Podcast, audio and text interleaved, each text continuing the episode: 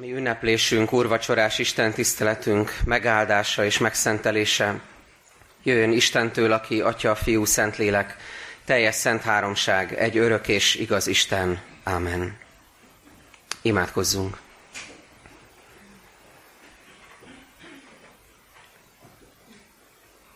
Úrunk, szívünk teljességével szeretnénk odafordulni hozzád, leborulni előtted, és, és imádni téged, ahogyan tették a, pásztorok, a napkeleti bölcsek, ahogyan énekeltek az angyalok azon az estén, itt szeretnénk téged magasztalni teljes szívünkből, és szeretnénk újra átélni azt a gyermeki izgatottságot, lelkesedést, amit annak idején éreztünk, és reménység szerint ebből megmaradt valami felnőtt korunkra is, és tanulhatunk a gyerekeinktől, az unokáinktól, amikor rájuk nézünk, és látjuk az ő örömüket karácsonykor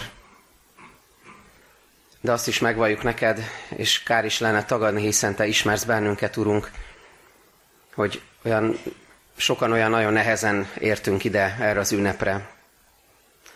Talán azt éljük át, mint a maratoni futó, aki elér a célba, és az utolsó leheletével csak ennyit tud kinyögni, boldog karácsonyt, de, de mégis ott van bennünk a vágy, hogy, hogy legyen ennél több ez az ünnep, mint hogy beessünk az ünnepre, és és megpróbáljuk azt túlélni, hiszen ennél sokkal több, amit te készítesz nekünk, a családunk körében, a gyülekezetben, és egyáltalán lelki értelemben a te országodban.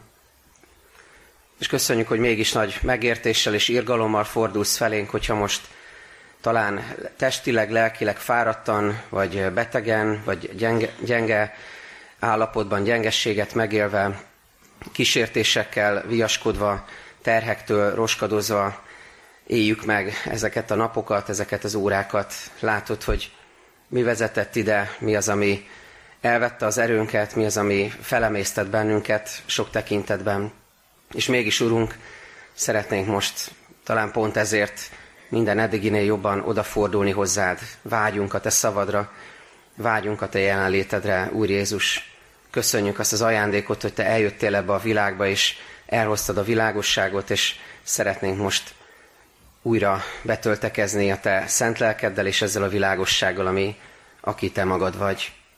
Szólíts meg bennünket, Urunk, és formálj minket igazi igehallgató közösségé, és igazi asztal közösségé az úrvacsorai közösségben. Amen. Isten igét olvasom a karácsonyi történetet Lukács evangélium a második részéből. Történt pedig azokban a napokban, hogy Augustus császár rendeletet adott ki, írják össze az egész földet. Ez az első összeírás akkor történt, amikor Szíriában Quirinius volt a helytartó. Elment át mindenki a maga városába, hogy összeírják.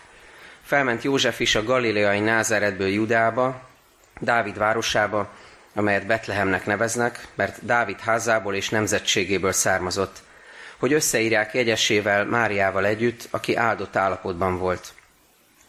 És történt, hogy amíg ott voltak, eljött szülésének ideje, és megszülte első szülött fiát. Bepójálta és a jászolba fektette, mivel a szálláson nem volt számukra hely. Pásztorok tanyáztak azon a vidéken a szabad ég alatt, és őrködtek éjszaka a nyájuk mellett. És az úr angyala megjelent nekik, körül ragyogta őket az úr dicsősége, és nagy félelem vett erőt rajtuk.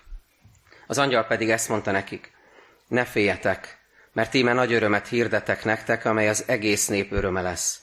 Üdvözítő született ma nektek, aki az Úr Krisztus a Dávid városában. A jel pedig ez lesz számotokra. Találtok egy kisgyermeket, aki bepójálva fekszik a jászolban, és hirtelen mennyei seregek sokassága jelent meg az angyallal, akik dicsérték az Istent, és ezt mondták. Dicsőség a magasságban Istennek, és a földön békesség, és az emberekhez jó akarat. Miután elmentek tőlük az angyalok a mennybe, a pásztorok így szóltak egymáshoz. Menjünk el Betlehembe, és nézzük meg azt, ami ott történt, amit az Úr tudtunkra adott. Elmentek tehát sietve, és megtalálták Máriát, Józsefet és a jászolban fekvő kisgyermeket. Amikor meglátták őt, elmondták mindazt, amit erről a kisgyermekről az angyalok hirdettek. És mindenki, aki hallotta, elcsodálkozott azon, amit a pásztorok mondtak nekik. Mária pedig mindezeket a beszédeket megjegyezte és szívében forgatta. A pásztorok pedig visszatértek, dicsőítve és magasztalva Istent mindazért, amit hallottak és láttak úgy, ahogyan ő megüzente nekik. Ez Istenünk igéje.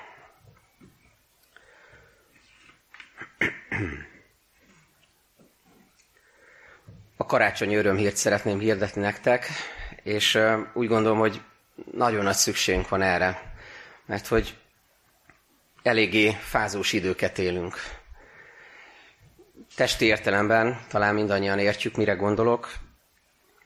Nagyon sokan igyekeznek spórolni ezekben a napokban, és gondoljatok rá, hogy milyen jó dolgunk van, hogy most itt egy előre felmelegített, fűtött templomban lehetünk együtt ennyien, és egymást is melegítjük. Levente szokta mondani, hogy minden Isten tisztelet előtt, hogy ne fűtsünk ennyire, mert minden, minden egyes test 60 watt mit?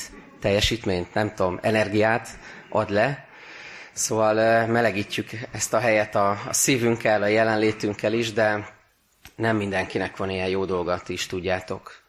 Egy csomó háztartásban ezen az ünnepen is nagyon meggondolják kétszer is, hogy tesznek-e még a tűzre, hogy fejebb tekerik-e a, a termosztátot. Egyáltalán van-e lehetőség erre, hogy fűtsenek, és, és így ünnepeljék a karácsonyt. Vannak, akik kénytelenek fagyoskodni. Egyik ismerősöm, egy egyetemista ismerősöm írta pár napja, hogy hat fokban vizsgáztak az egy, egyik egyetemi épületbe, ahol be se lehetett volna menni. Nincs is már fűtés, és hat fokba kellett teljesíteni, szellemileg ott lenni, hogy sikerüljön egy vizsga. De hát ha még távolabbra nézünk, akkor azt látjuk, hogy szomszédos országban, Ukrajnában, háborús időkben ez mindez föl sem merül, mert hogy nincs melegvíz, nincs fűtés, nincsen világítás sok helyen, és így élik meg sokan ezeket a napok, napokat, és rettegnek, hogy mit hoz a jövő. És mindezekhez, ha még hozzáteszem, hogy eszünkbe juthatnak Jézusnak az utolsó időkről mondott szavai, Máté Evangélium a 24. részében, akkor talán azt gondoljátok magatokba, hogy hogy lesz ebből örömhír, de én azért azt remélem, hogy lesz, mert hogy erről szól a mai történet. De azért hadd idézzem fel, Máté 24-ben Jézus többek között ilyeneket mond, fogtok hallani háborúkról, és hallotok háborús híreket, vigyázzatok, ne rémüljetek meg, mert ennek meg kell lennie, de ez még nem a vég. Nemzet nemzet ellen és ország ország ellen támad, éhínségek és földrengések lesznek mindenfelé, de mindez a vajudás kínjainak kezdete. Aztán több mindenen kívül üldöztetések, stb.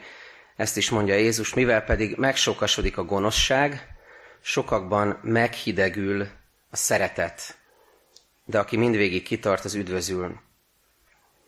És valóban ezt éljük át, hogy mint hogyha a szeretet, nem tudjuk persze, hogy az utolsó idők jeleiben most pontosan hol is tartunk, mert nem tudjuk, hogy pontosan ez mikor lesz, de az biztos, hogy, hogy a, a szeretet meghidegülését azt érzékeljük a bőrünkön, érzékeljük a kapcsolatainkon, érzékeljük a környezetünkben, érzékeljük abban, ahogy az emberek távol kerülnek egymástól. És a, és a szeretet sokak között meghidegül. Nagy, nagyon rossz azt látni, hogyan, hogyan távol kerülnek egymástól emberek, és, és már nem lehet normálisan kommunikálni és beszélni egymással. Szóval ebben a, ebben a fázós időben különösen is megmelengedheti a szívünket a pásztorokról szóló, szóló híradás, a karácsonyi történet. És ugyanakkor figyeljünk arra, amikor ezt olvassuk és hallgatjuk, tanulmányozzuk, hogy, hogy a pásztorok története nem, nem egy csöpögős, romantikus ünnepi történet csupán, ami egyszer azért történt meg, hogy majd iskolai rendezvényeken, meg gyülekezeti karácsonyokon elő lehessen adni. Tehát nem, nem ez volt a célja ezeknek a történéseknek, hanem ezek valóságos történések, húsvér emberekről szóló híradások az evangéliumban.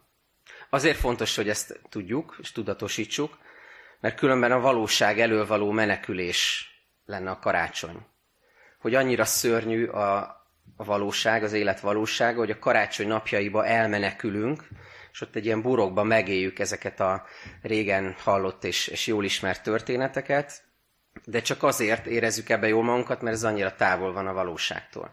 Nem így van. Isten igéje inkább arra hív bennünket, hogy, hogy ne meneküljünk a valóságtól, hanem közel lépjünk a valósághoz ezen az ünnepen. Nemrégiben vettem észre, hogy van egy olyan tévécsatorna, ami már karácsony előtt egy hónappal végtelenítve csak karácsonyi filmeket ad. Szerintem ez egy zseniális módja a valóságtól való menekülésnek. Ugyanakkor azt is gondolom, hogy egy zsákutca, mert mondjuk attól, hogy valaki kívülről fújja a reszkessetek betörők, vagy az igazából szerelem bármelyik jelenetét, álmából felkeltve is, attól még nem biztos, hogy a karácsony lényegét jobban megközelítette, megértette, illetve hogy ezáltal igazából sikerült neki elmenekülni a valóságtól. Szóval arra buzdít Isten igé, hogy ne meneküljünk a valóságtól, hanem lépjünk bele, lépjünk közel a valósághoz, mert hogy abban nem csak a nehéz dolgokat fogjuk meglátni, a szörnyűségeket, a nyomasztó részeket, hanem Istennel fogunk ott találkozni a valóságban, magával Jézus Krisztussal. És így nagyon valóságos történetként nézzünk rá az evangéliumi leírásra, aminek a középpontjában az idő áll, mégpedig három tekintetben nézzünk rá. Az időre egyrészt a világi kontextus időkeretét fogjuk nézni, amikor Jézus eljött ebbe a világba. Aztán kicsit szűkítve a kört, a családi kontextusnak az időkeretét fogjuk vizsgálni, és végül a személyes időt, a pásztorok idejét, ami ránk is vonatkozhat már, hogy hogyan lép be az Isten az ember történetébe. Tehát először a világi kontextus időkeretéről. Az adventi vasárnapokon beszéltünk arról, hogy Lukács evangélistának mennyire fontosak a részletek. Talán emlékeztek erre, hogy, hogy beszéltünk róla, hogy ő mindennek pontosan utána jár, így írja le az evangéliumot, és így fontos számára, hogy a történelmi kereteket is rögzítse, hogy elmondja, hogy mi mikor történik. És így kezdődik a karácsonyi történet is, hogy megtudjuk, hogy ki a császár, ki a helytartó éppen Szíriában, és hogy egyébként népszámlálás zajlik. Ez egy fontos történelmi, társadalmi esemény. Szóval fontos Lukács számára, hogy rögzítse, hogy mi történik éppen a világban, szerte a világban, amikor Jézus eljön. Mi történik az adott helyen. Ez a, a, a világi kontextusnak az időkerete. Születésnapomra kaptam talán nem is egyszer, nem kétszer már olyan képeslapot, amire rá volt írva, hogy 1976, és a túloldalán ott volt, hogy abban az évben, amikor születtem, akkor mi minden történt a, a világban. Nagyon érdekes tanulmány ez, hogy, hogy amikor az ember megérkezik, akkor mi minden történt egyébként abban a, abban a korban. És így tesz Lukács is, elmondja, hogy Jézus megérkezett, és egyébként nézzünk körül, hogy mi zajlik a világban. És ez egyrészt aláhúzza azt, hogy Jézus születése nem mese, hanem beilleszthető az adott kornak a történelmébe. Másrészt jelzi azt is, hogy, hogy Jézus ebbe a világba jött el, tehát Jézus eljövetele nem független a világtól. Nem úgy történik Jézus eljövetele, Isten emberé létele, hogy mintha Isten elnézne a, az emberek feje fölött. Hogy oké, okay, megjöttem, de mit érdekel engem, hogy egyébként itt mi zajlik a világban. Szépen megjövök, elvégzem, amit akarok, de nem törődök itt a, az emberekkel, hanem azt jelzi, a világi kontextus időkeret, hogy igenis fontos, hogy pont ekkor jön el Jézus. Fontos, hogy rögzítve van, hogy éppen mi történik a világban. Mert Isten így néz rá a világra, és látja azt, hogy mi történik ott, hogy milyen állapotban van ez a világ, és hogy pontosan ezért jön el, ezért lesz emberi, mert szüksége van, látja Isten, szüksége van az embernek Istenre. Nagyon különleges, hogy a magát Istennek tartó és Istenként tisztelt Augustus császár, akit fényességesnek, Istennek is neveznek, az ő általa vezérelt birodalomnak egy távoli szegletében, egy, egy kicsit mostoha körülmények között tartott provinciában, annak is egy kicsiny városában, és annak is egy a legpuritánabb szállás pótlékán születik meg a megváltó. Tehát összerakjuk ezt a képet, azt látjuk, hogy hogy amikor Isten emberré lesz, akkor lehetőleg kisebb felületen érintkezik ezzel a világgal, a legkisebb helyre jön el alázatosan, de mégis nagyon valóságosan teszi ezt. Kis felületen érintkezve, de nagyon valóságosan illeszkedik bele a világi kontextus idő és térbeli keretében. Mi a tanulsága ennek számunkra? 2022 karácsonyán is így látogat el Jézus Krisztus által Isten, a mi világunkban. Amikor ez történik körülöttünk, ahogyan Isten ránéz erre a világra, és ha ma lenne egy Lukács evangélista, akkor ma is le tudná írni, hogy mi minden van ebben a világban, amiben Isten megérkezik. Isten látja a háborút Ukrajnában, Isten látja a hatalmi játszmákat, amik emögött meghúzódnak. Isten látja a gazdasági válságot, Isten látja, hogy hogyan érint ez bennünket, és hogyan érinti azokat, akiket a legnehezebben talál meg mindez, akik a legjobban nélkülöznek, akik eddig is rossz helyzetben voltak, és most még jobban megterhelte mindez őket. Isten ránéz a világra, és látja az erkölcsi talajvesztettséget, hogy az ember keresi önmagát, hogy az évezredes értékek és alapok, amik, amik talán ennél világosabbak voltak, mint most, azok mintha meginoktak volna, és mint hogyha már nem lenne, nem lenne értelme ezekre építeni az ember életét. Isten látja a magyarországi helyzetet, látja a széthúzást, látja az egymás meg nem hallgatását, ami, amiről az előbb beszéltem, a szeretet meghidegülését, amikor évtizedes barátságok szakadnak meg amiatt, mert emberek nem tudnak szót érteni egymással, mert az egyik így gondol a másikra, a másik úgy, és egyszerűen már képtelenség a, a, normális beszélgetés két régi osztálytárs, vagy régi barát, vagy régi családtag között, az még durvább. Tehát amikor emiatt szakadnak meg emberi kapcsolatok, és hidegül meg a szeretet. Isten látja, hogy ilyen helyzetben vagyunk. Isten látja az egyháznak a helyzetét, amiben vagyunk, amiben az egyház is küzd, meg kell mondani, küzdünk, mert hogy olyan kihívásokkal nézünk szembe, amikre nem mindig vagyunk felkészülve. És most nem az egyház szervezetről beszélek, hanem a keresztény emberekről, rólunk, rólatok. Ez rólunk szól, hogy mi hogyan tudunk, hogyan tudjuk az evangéliumot, ami nem változott, ugyanúgy megjeleníteni és következetesen képviselni ebben a világban, ami hihetetlen módon változik. És ráadásul még, és ez egy érdekes párhuzam a, a karácsony történettel, hogy még népszámlálás is volt ebben az évben, mint ahogy a karácsonyi történetben is. És hát nem tudom, hogy most tegyük túl azon magunkat, hogy ki hogyan vélekedik erről, meg milyen szívvel töltögettétek ezt, vagy nem, vagy, vagy ezt nem tudom, hogy nem, mert ez kellett, szóval hogy töltöttétek.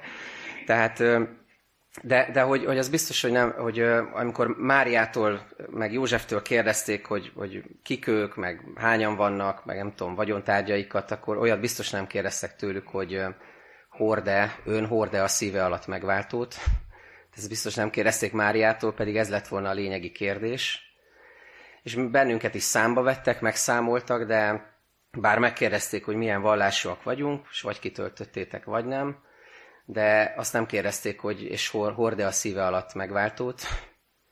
Van a szívében Jézus, hiszel benne, komolyan veszi el, ez irányítja az életét, és nem csak papíron kereszténye, hanem komolyan veszi el Jézus követését. Szóval sok kérdést fölvet, amit nem kérdeztek meg tőlünk, de számba vettek bennünket, és ez is egy párhuzam a történettel. Szóval nem véletlen, hogy éppen most, éppen így, ebben a világi kontextusban, ebben az időkeretben ért bennünket a 2022-es karácsony. Isten segítségével, Krisztus szemével, szeretetével ugyanis most újra ránézhetünk erre a világra. És arra biztat minket Isten igéje, hogy tegyük ezt úgy, hogy most nem ítélkezéssel nézünk a világra, hogy nem undorral esetleg, nem lenézve másokat, akik talán másként élik az életüket, vagy gondolkoznak erről a világról, hanem tegyük ezt irgalommal. Ne úgy nézzünk rá a világra, mint, a, mint egy egyórás tévéhíradóra, aminek a, amiből 40 perc borzalom, mondta nekem egy kedves testvér, akit meglátogattam a napokban, hiszen nem tudok ettől szabadulni. Tudom, hogy nem jó, de mindig megnézem, mondja ő. És azt mondja, hogy egy órából 40 perc, az fix borzalom. És, és most arra hív minket Isten égé, hogy ne így nézzünk rá a világra, hogy ez egy borzalom, egy órából 40 perc minimum, hanem hogy úgy, ahogy Isten néz rá. Írgalommal, szeretettel, pont azzal az indítatással, hogy miért is kellett Istennek emberré lennie. Miért kellett elhagynia a mennyek gazdagságát? Azért, mert ennek a világnak fájóan szüksége van Isten jelenlétére, Jézus Krisztussal. Szóval mire lenne igazán szükség ennek a világnak, ha nem Krisztusa, ez a, az első gondolat, amit a világi időkeret gondolatkörét lezárja. De másodszor, bármennyire is fontos ez a világi kontextus, ez a történet mégiscsak egy családi történet. Jézus születése egy, egy családban történik meg. És az ő történetüket olvastuk ma is. És egész adventben is egy család történetéről hallottunk, Zakariásról, Erzsébetről, hogy várják Jánosnak, keresztelő Jánosnak a megszületését. És most is itt van előttünk egy család, akikre nézve, Máriára, Józsefre, Jézusra, sokszor hallhattuk már ezt a kifejezést, hogy szent család.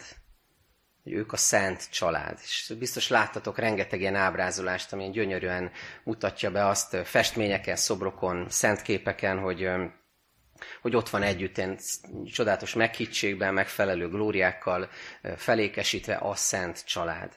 És nyilván jogos ez a kifejezés, hogy szentnek nevezzük őket, hiszen Krisztus ebbe a családba érkezik meg. Mégis most valahogy azt hoztál én Isten az igét olvasva, hogy, hogy ez egy olyan család, amely húsvéremberekből állt.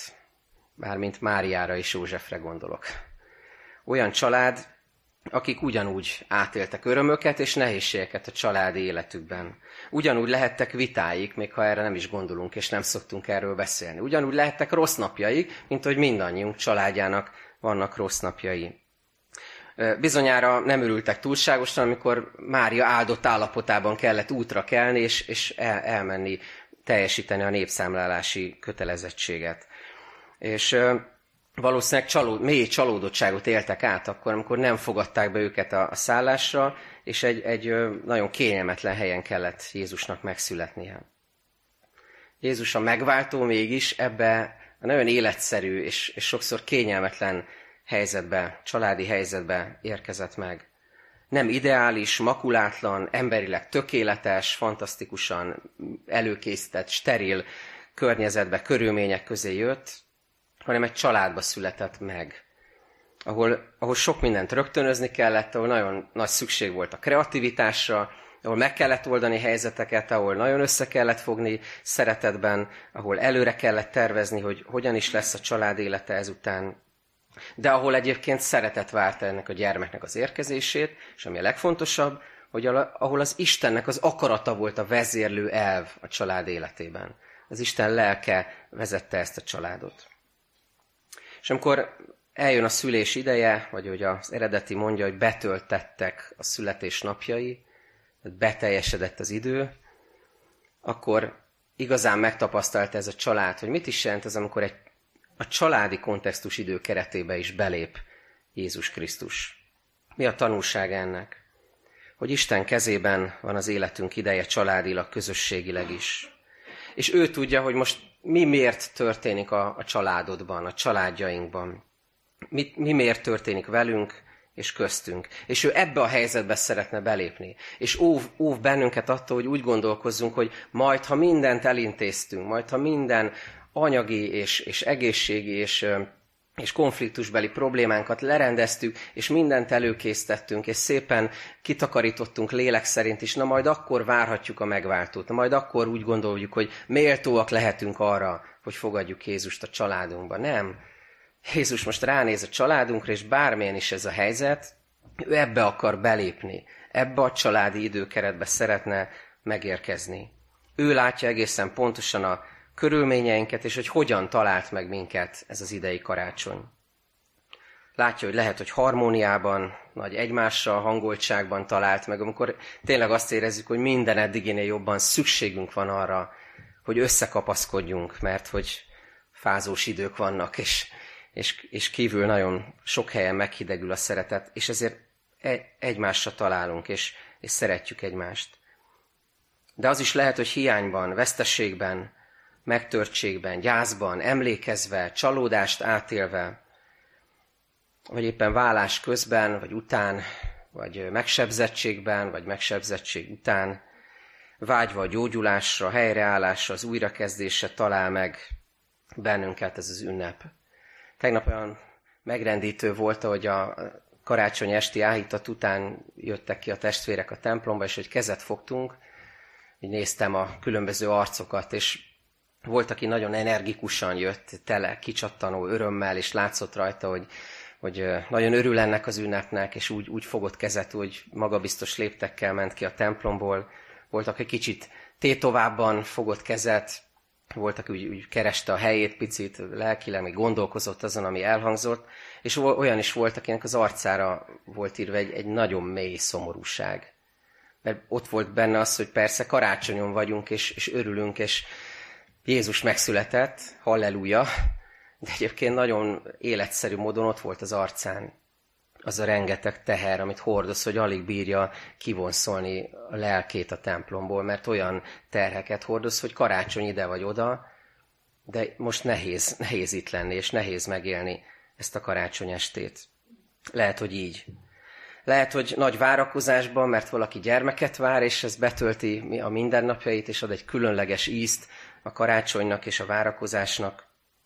Lehet, hogy valaki végtelen, valakit végtelen kimerültségben talált az ünnep, talált Jézus, amikor igazán ajándék pár óra pihenés, vagy szusszanás, hogy csak le, leroskadni a fotelbe egy órára. Micsoda luxus, nem csinálni semmit, és, és csak ott lenni, és nézni a családtagokat. És lehet, hogy egyszerűen csak csendes hálában talált ez az ünnep, amikor azt fejezett ki, hogy élünk, sóhajtsunk egy nagyot, élünk, itt vagyunk egymásnak, egyikünk helyesen üres az asztalnál, és adjunk ezért hálát, bármi is történt eddig.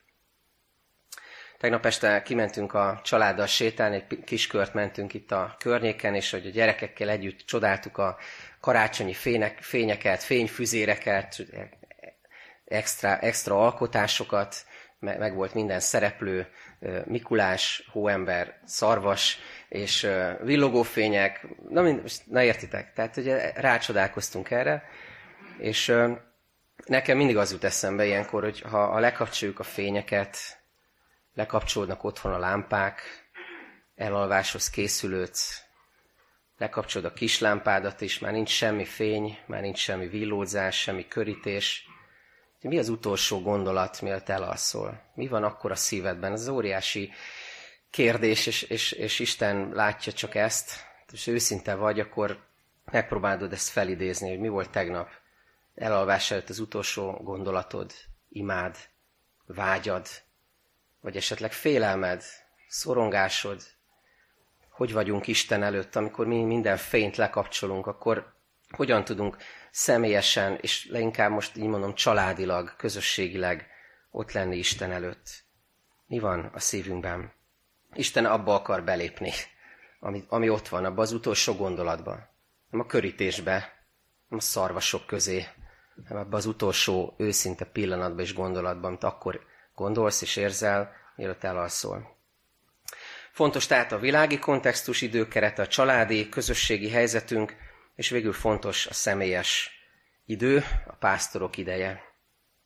Annak az ideje, amikor Isten belép az ember történetébe, hiszen látjátok, Jézus családján túl a pásztorok az elsők, akik találkoznak az örömhírrel, akiket elér az örömhír, hogy megszületett a megváltó, és akiken keresztül a menny és a föld összeér egymással, és, és belép Isten az ember történetében.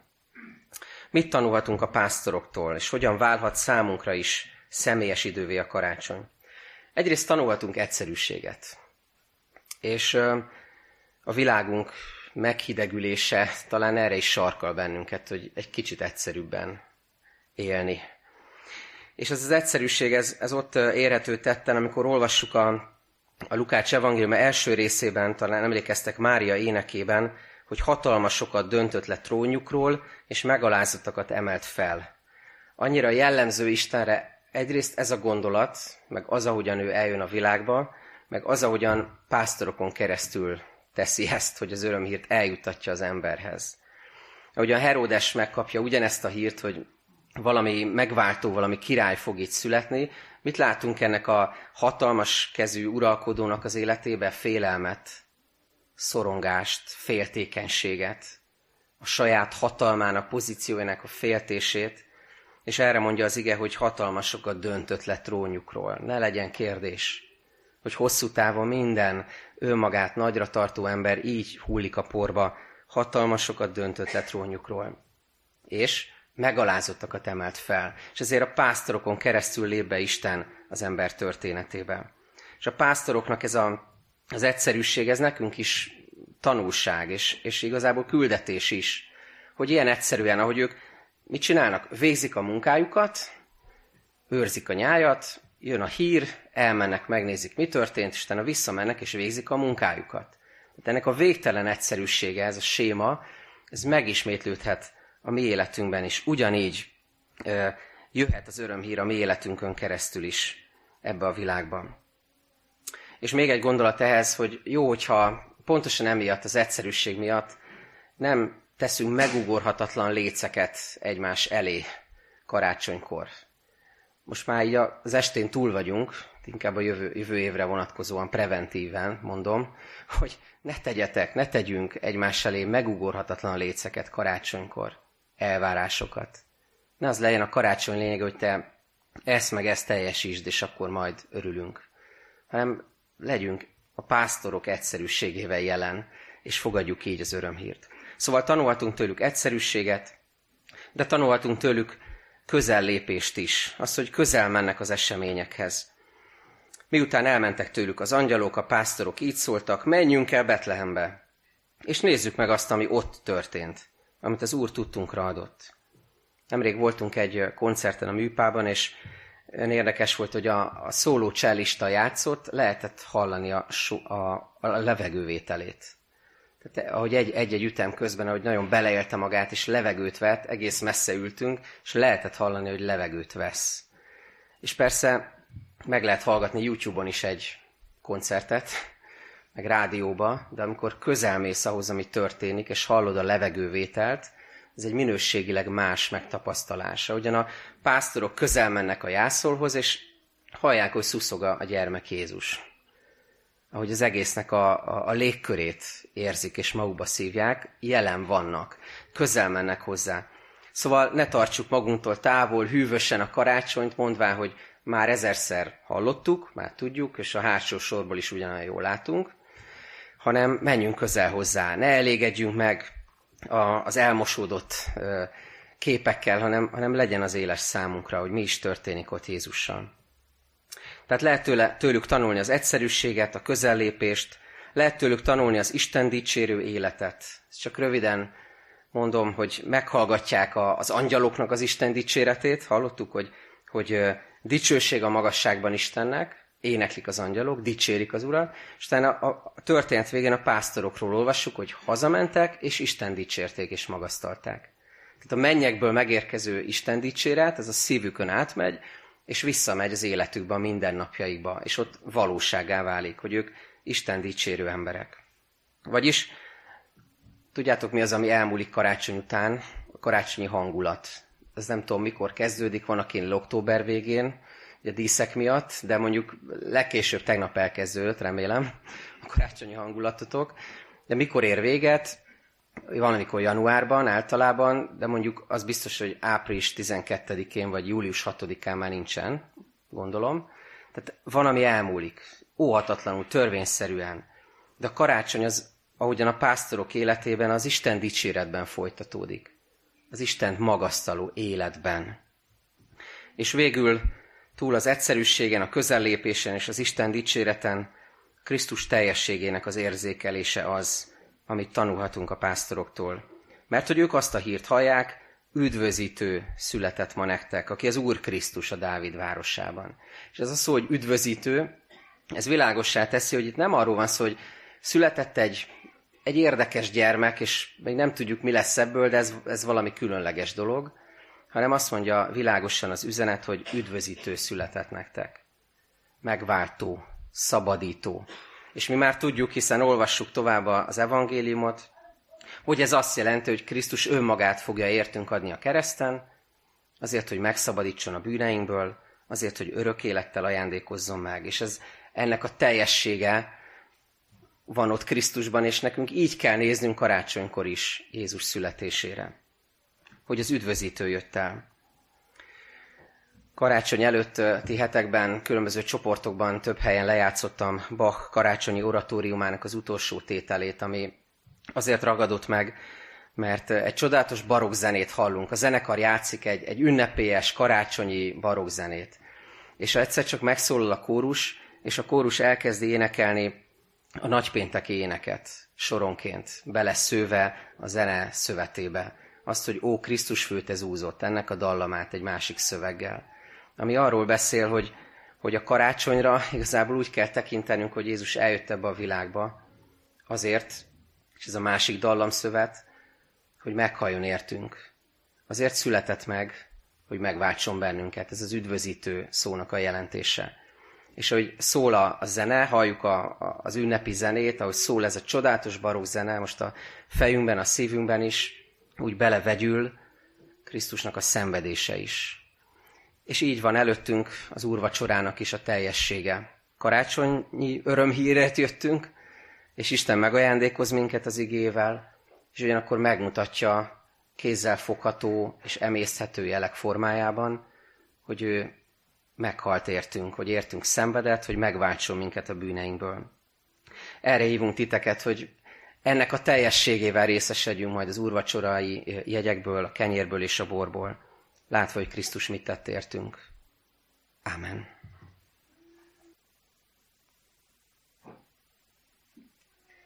Mert ismeritek a mi Urunk Jézus Krisztusnak kegyelmét, hogy gazdag létére szegényé lett értetek, hogy ti az ő szegénysége által meggazdagodjatok. Adjunk hálát a mi Urunknak ezért.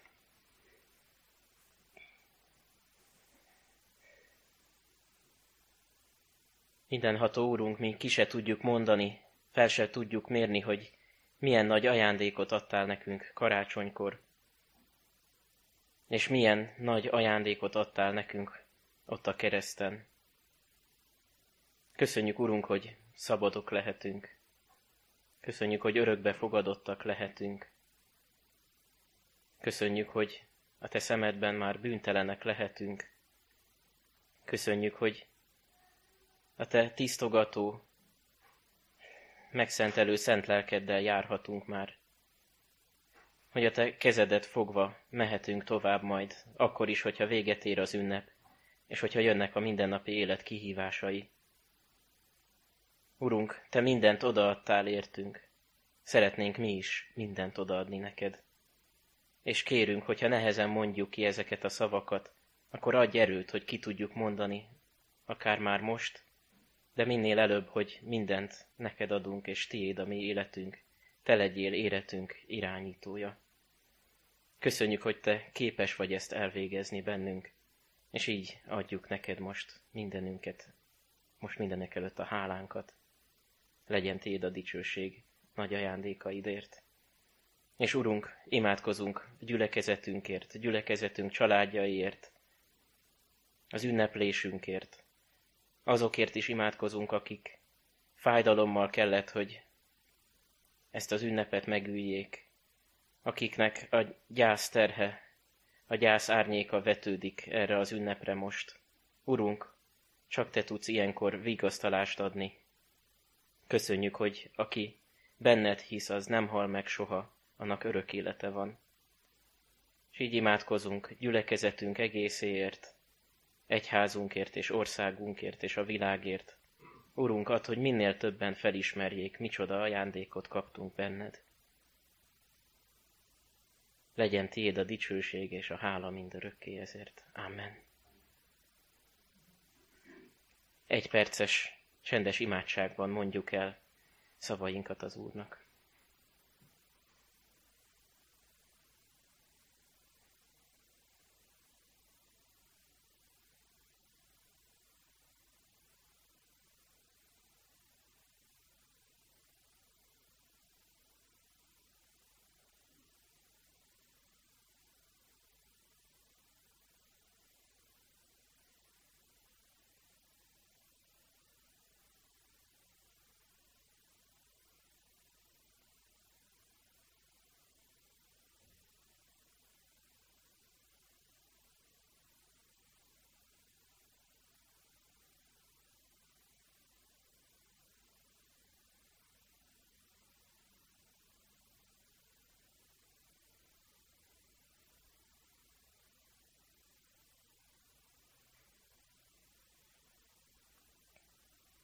Köszönjük, Urunk, hogy Te a csendben kimondott imádságunkat is meghallgatod.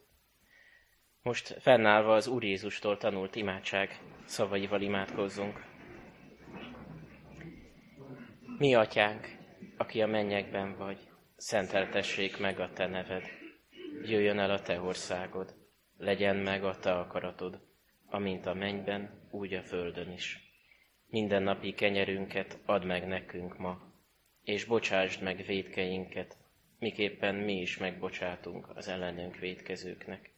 És ne védj minket kísértésbe, de szabadíts meg a gonosztól, mert tiéd az ország, a hatalom és a dicsőség mindörökké. Amen.